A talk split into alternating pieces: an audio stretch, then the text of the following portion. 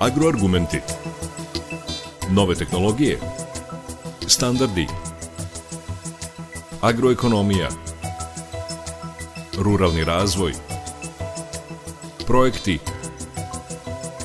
Investicije Preduzetništvo Biljna proizvodnja Stočarstvo Agroargumenti Uređuje Stevan Davidović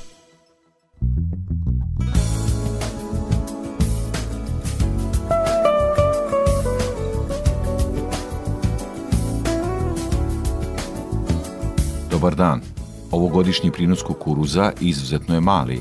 Razlog je suše i visoke temperature. Na tako izmenjenu klimu treba odgovoriti promenom tehnologije proizvodnje. Zato u današnjoj emisiji Agroargumenti govorimo o toj problematici, a gost je stručnjak Novosadskog instituta za ratarstvo i povrtarstvo Goran Bekavac. Goran, evo, možemo reći da je berba, odnosno žetva kukuruza završena. Rezultati na celoj teritoriji Srbije, ali i regionalno, su zaista e, loši, odnosno niski su prinosi, pre svega zbog klime. Da, berba ili žetva kukuruza je završena i sumiraju se rezultati. Vrlo često proizvođači razmišljaju i zovu, šalju mailove, pitaju gde smo pogrešili, da li smo nešto mogli drugčije da uradimo. Međutim, Ako je za utehu, naravno da nije, ali ako je za utehu, možemo slobodno reći da je ceo region pretrpeo ozbiljne gubitke e, prinosa upravo ove godine, a osnovni naravno razlog jesu ekstremno visoke temperature u toku vegetacije i nezapamćeni, ja bih rekao, nedostatak padavina.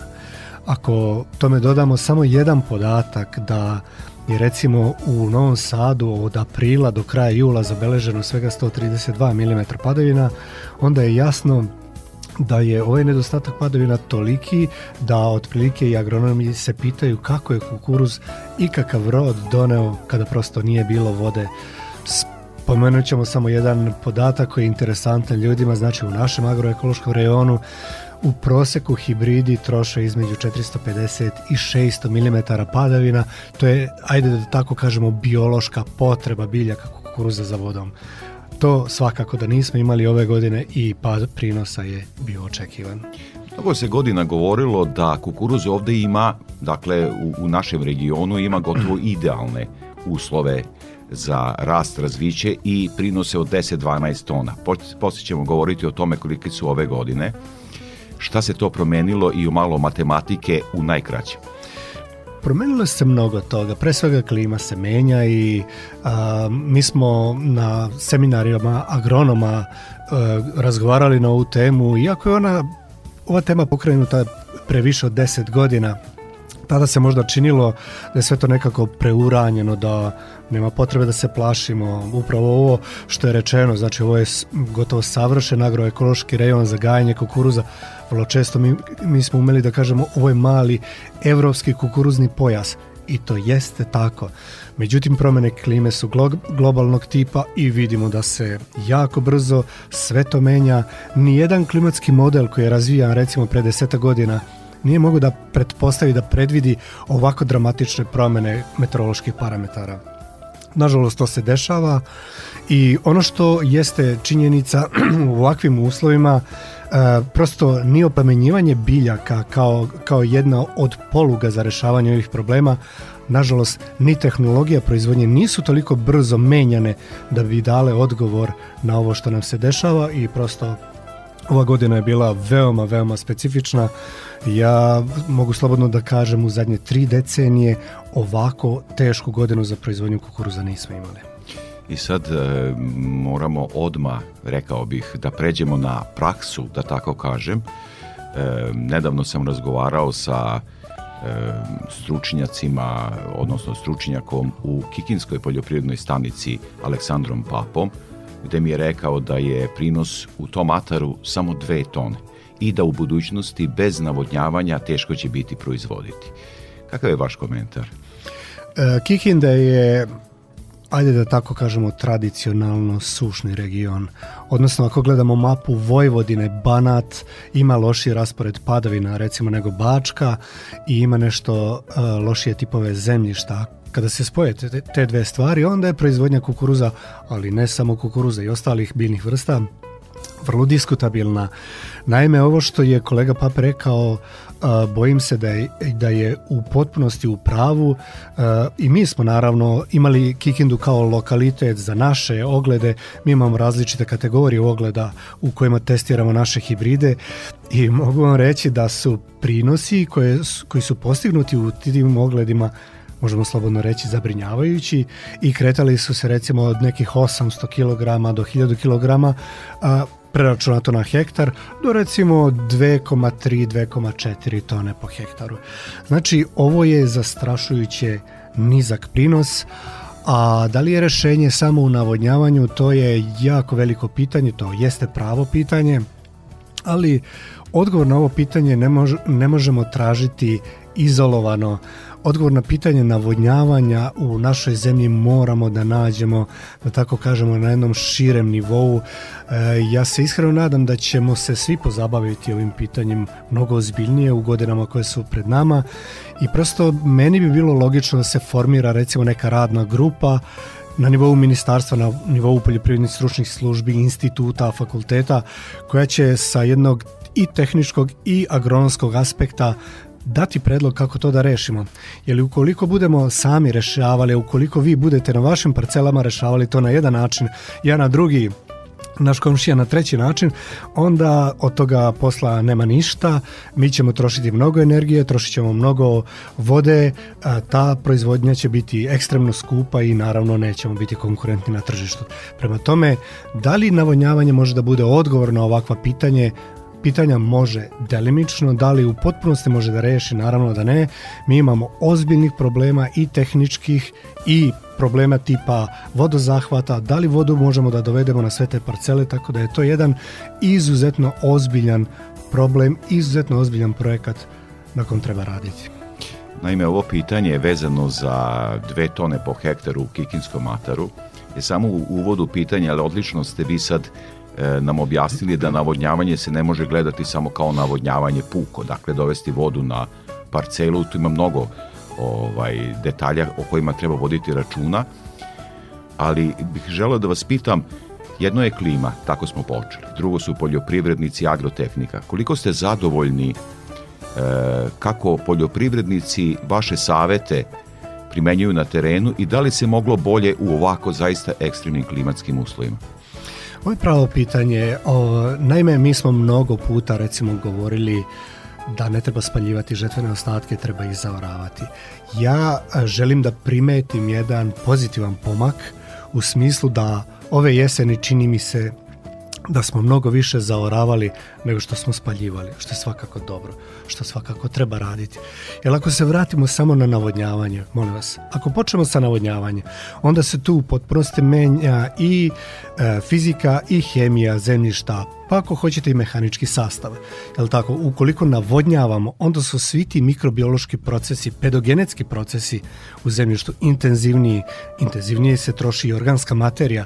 Prema tome, ako počnemo da navodnjavamo, a ne vraćamo organsku materiju, onda ćemo napraviti još mnogo, mnogo veći problem.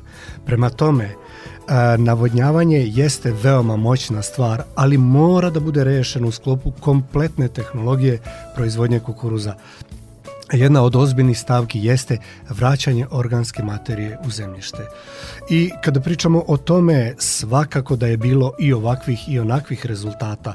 E, mogli smo da vidimo neke primere besprekornih parcela koje su navodnjavane, ali ako to počnemo da primenjujemo na široj površini, onda moramo voditi računa da mi u Vojvodini imamo nekih 600.000 hektara kukuruza dovesti vodu na 600.000 hektara i a, e, aplicirati na 600.000 hektara je izuzetan i tehnički, ako hoćete, i energetski, a i finansijski projekat, zahtev, da ne kažemo problem.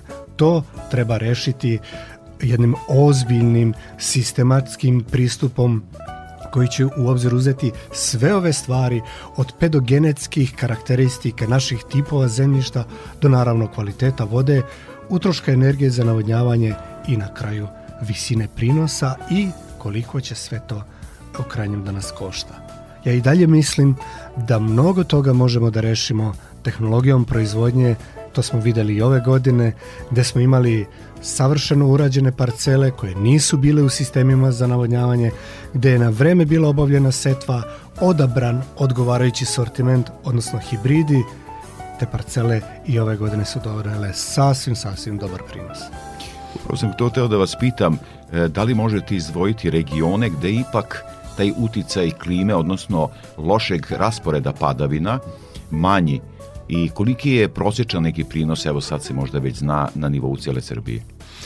Uh, Pa ako gledamo teritoriju cele Srbije, meni je bilo interesantno videti recimo sve uz Drinu od Bajne bašte do Malog zvornika.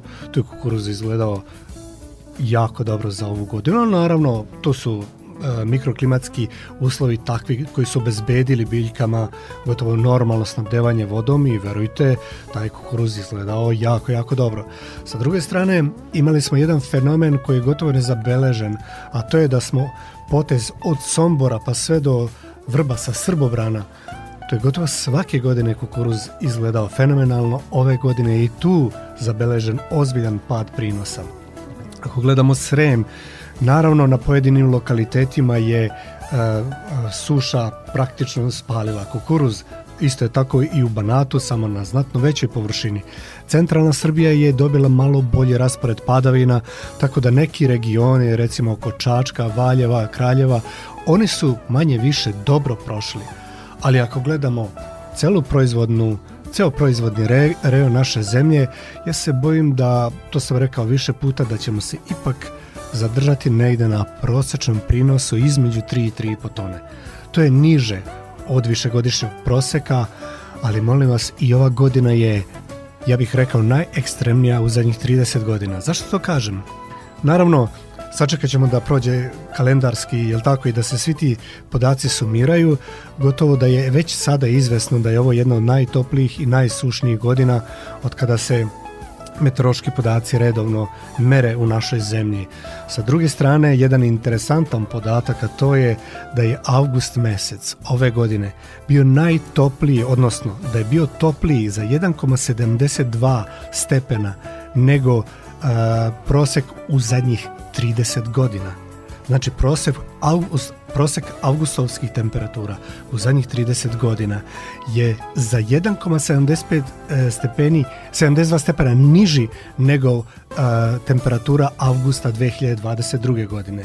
I verovatno ćemo čitati mnoge interesantne detalje, ali ako je za utehu, a možda i jeste, e, jedna poljoprivredna sila u Evropi kao što je Francuska je objavila da je ovo bila najteža godina za proizvodnju kukuruza u zadnjih 30 godina u Francuskoj. Mislim da ovo malo utešno deluje, ja bih rekao utešno smirujuće na naše proizvođače koji su naravno sa razlogom razočarani, ali možda taj skroman prinos koji ćemo zabeležiti ove godine je posledica i relativno skromnije tehnologije proizvodnje zbog skoka inputa, pogotovo mineralnih đubriva, Bilo je dosta proizvođača koji nisu mogli u potpunosti da ispoštuju tu tehnologiju proizvodnje i nažalost to će se odraziti na visinu prinosa. Thank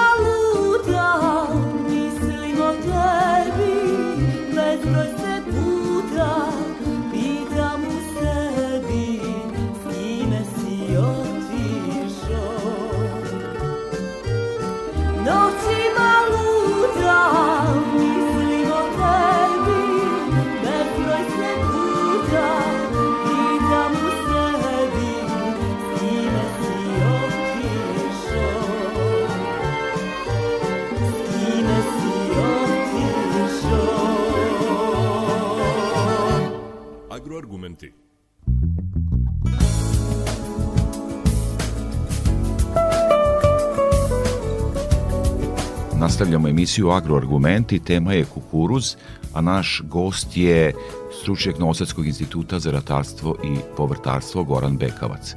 Gorane, šta dalje? Evo ovaj prvi deo emisije nekako smo posvetili e, mnogim detaljima koji su doveli do zaista niskog prinosa kukuruza ove godine, ne samo kod nas, nego i u celom regionu. Šta dalje?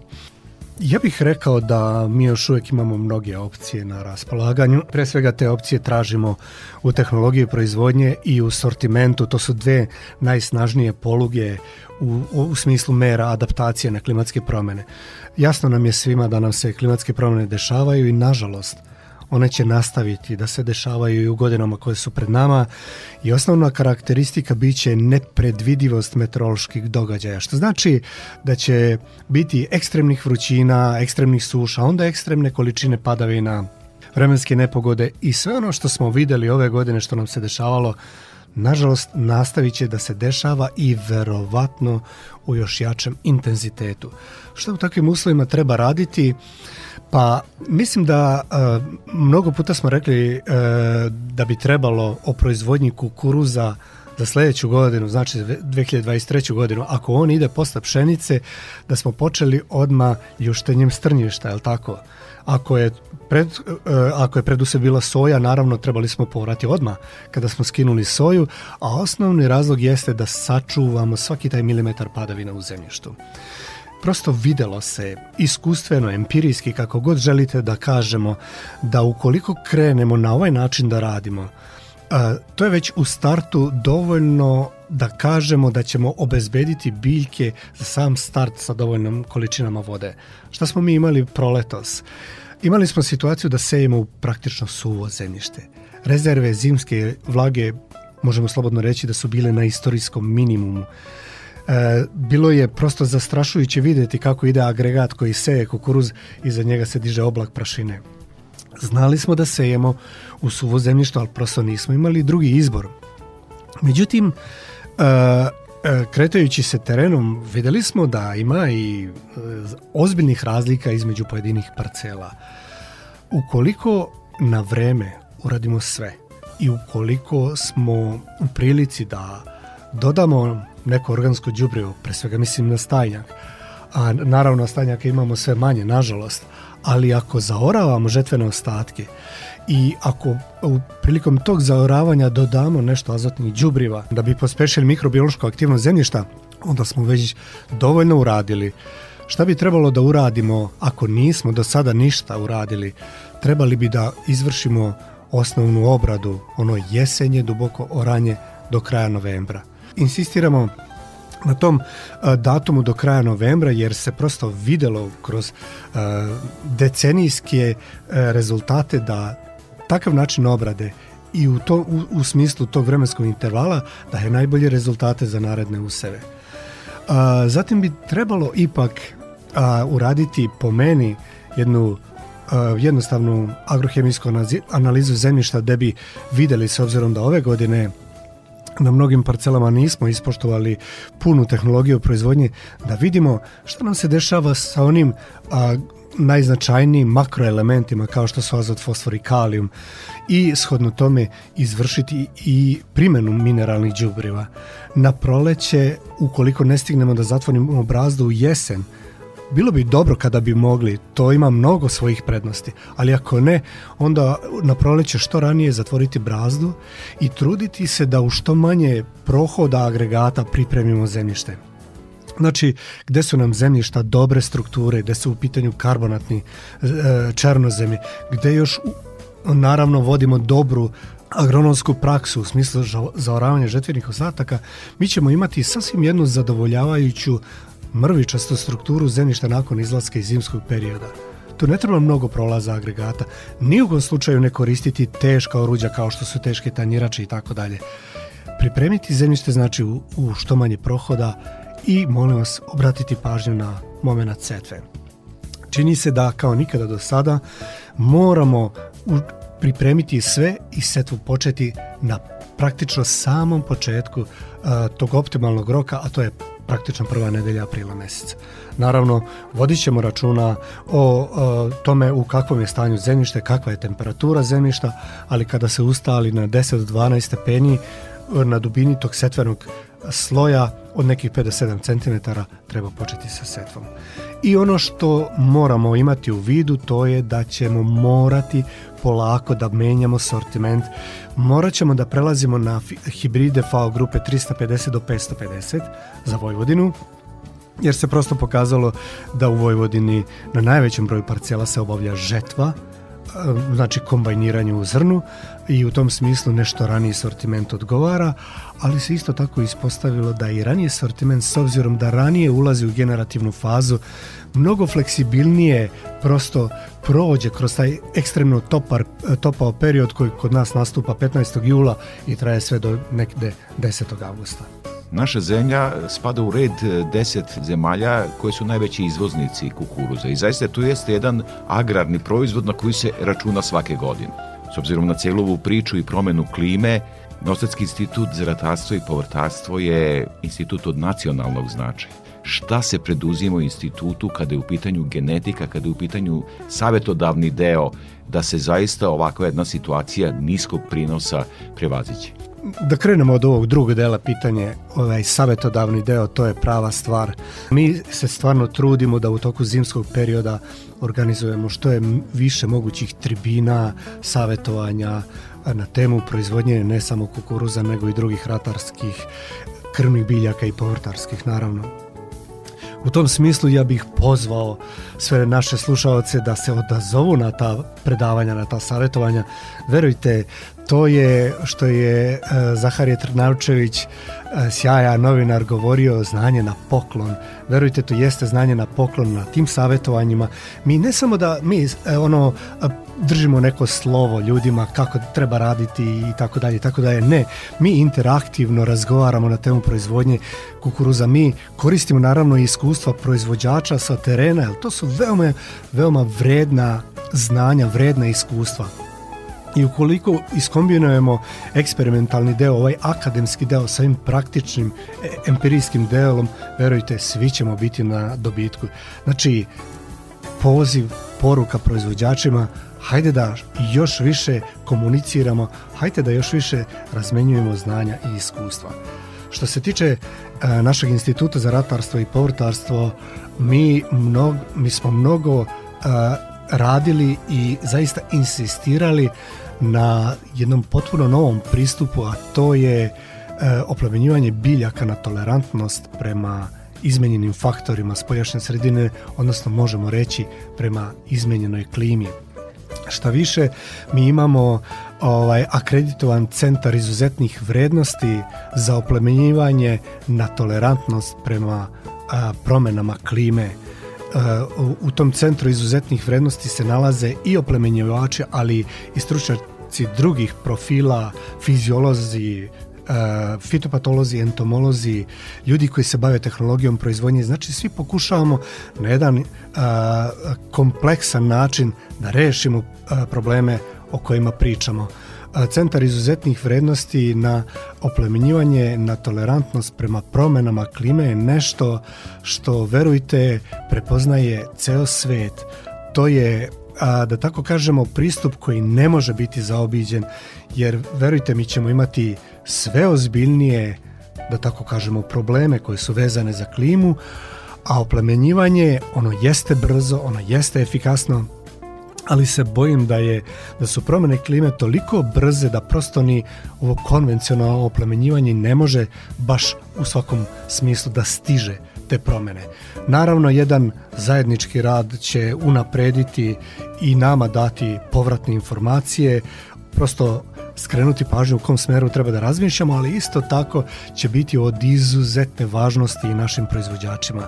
Ja želim da kažem da neki prosečan prinos koji mi beležimo u našoj zemlji od negde 4,5-5 tona je nedopustivo mali, nedopustivo nizak prinos prinos koji bi mi na nivou cele države mogli da ostvarujemo je bez ikakvih posebnih napora negde između 7 i 8 tona, ali bi morali mnogo toga da uradimo. I kad kažem mnogo toga da uradimo, evo, juče sam video a, u Sremu sjajne primere gde su ljudi već porali. Znači, a, e, video sam a, e, da tako kažemo u poslu traktore koji oru a, naravno prethodni usev tu gde su orali je bio kukuruz ali starupiran, usitnjen verujte onako primer iz knjiga kako treba raditi i traktor ore, zaorava izuzetno kvalitetno te žetvene ostatke i ako tako radimo, odnosno ako tako budemo radili na najvećem broju naših parcela, verujte, bit ćemo mnogo bolji kada vozimo naš usev na kantar, ono na jesen, u berbi ili u žetvi, da vidimo koliko ćemo i ostvariti. Znači, bez jednog kompleksnijeg pristupa, bez jedne ozbiljnije promene do sadašnje tehnologije nećemo se mo, ma, mnogo pomaći, čak ukoliko i možemo da navodnjavamo. Moramo, pogotovo ukoliko bi navodnjavali ozbiljnije površine, ozbiljno promeniti tehnologiju proizvodnje.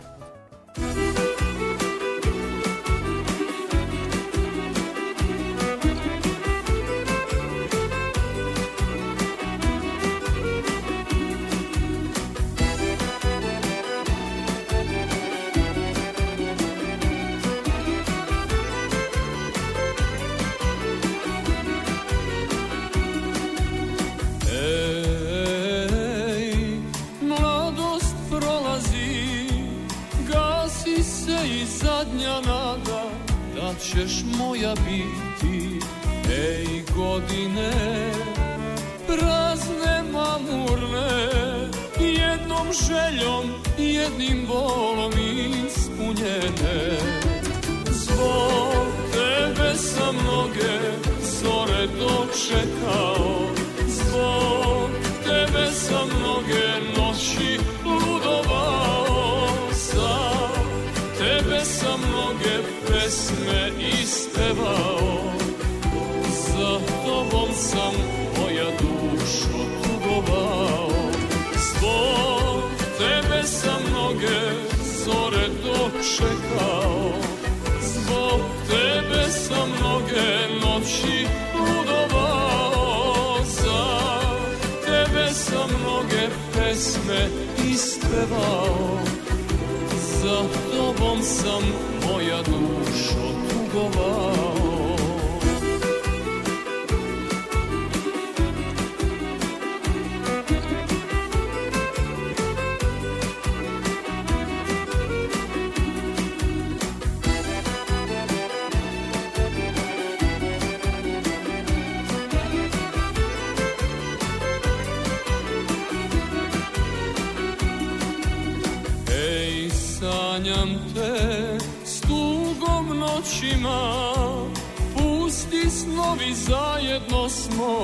samo još u njih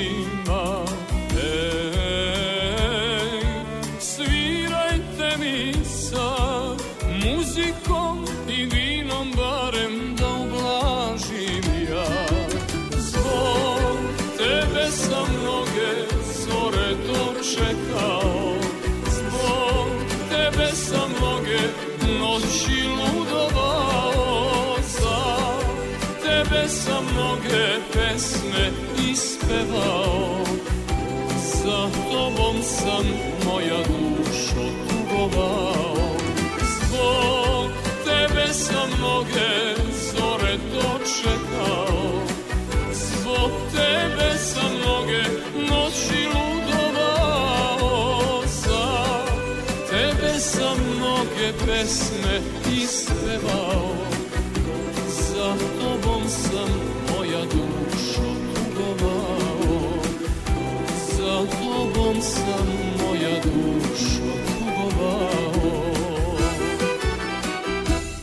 Agroargumenti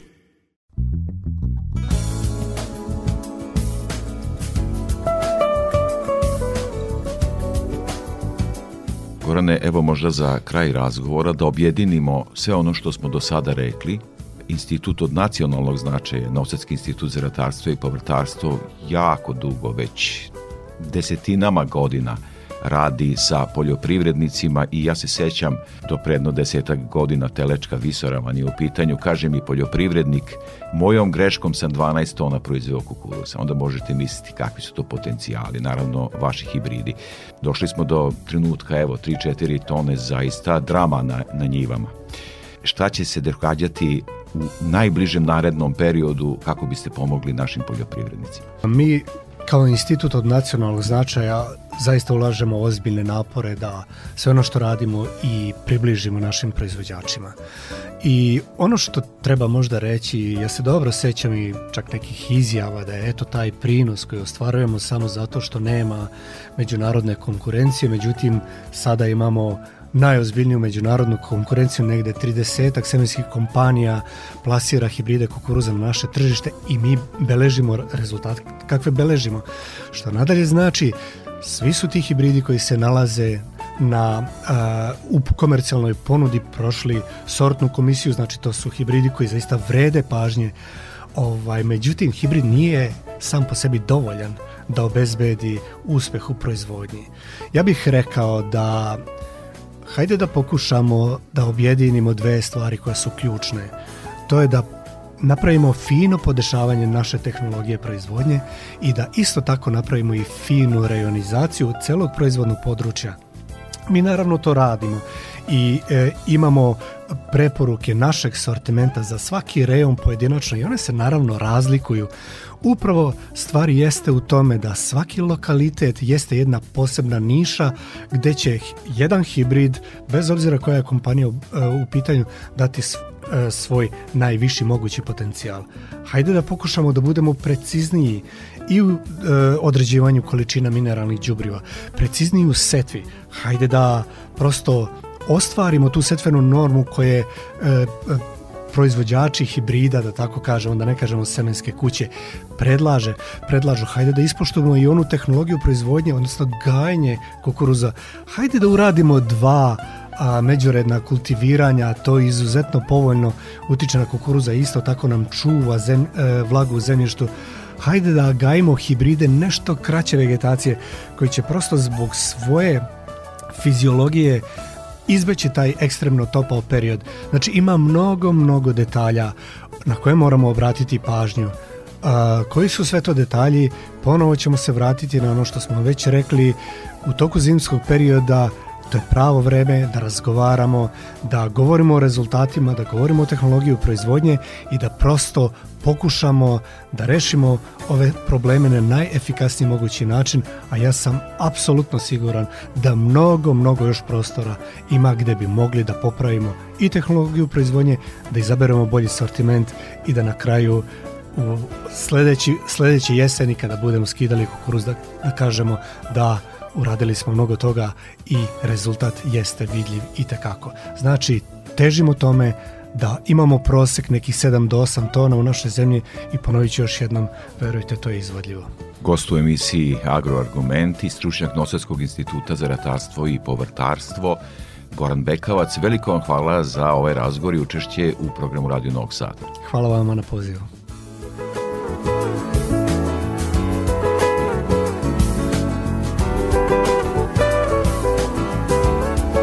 Slušali ste Agroargumente, pozdravlja vas urednik i voditelj Stevan Davidović uz podsjećanje da agroargumente možete slušati na portalu Radio Televizije Vojvodine na adresi rtv.rs.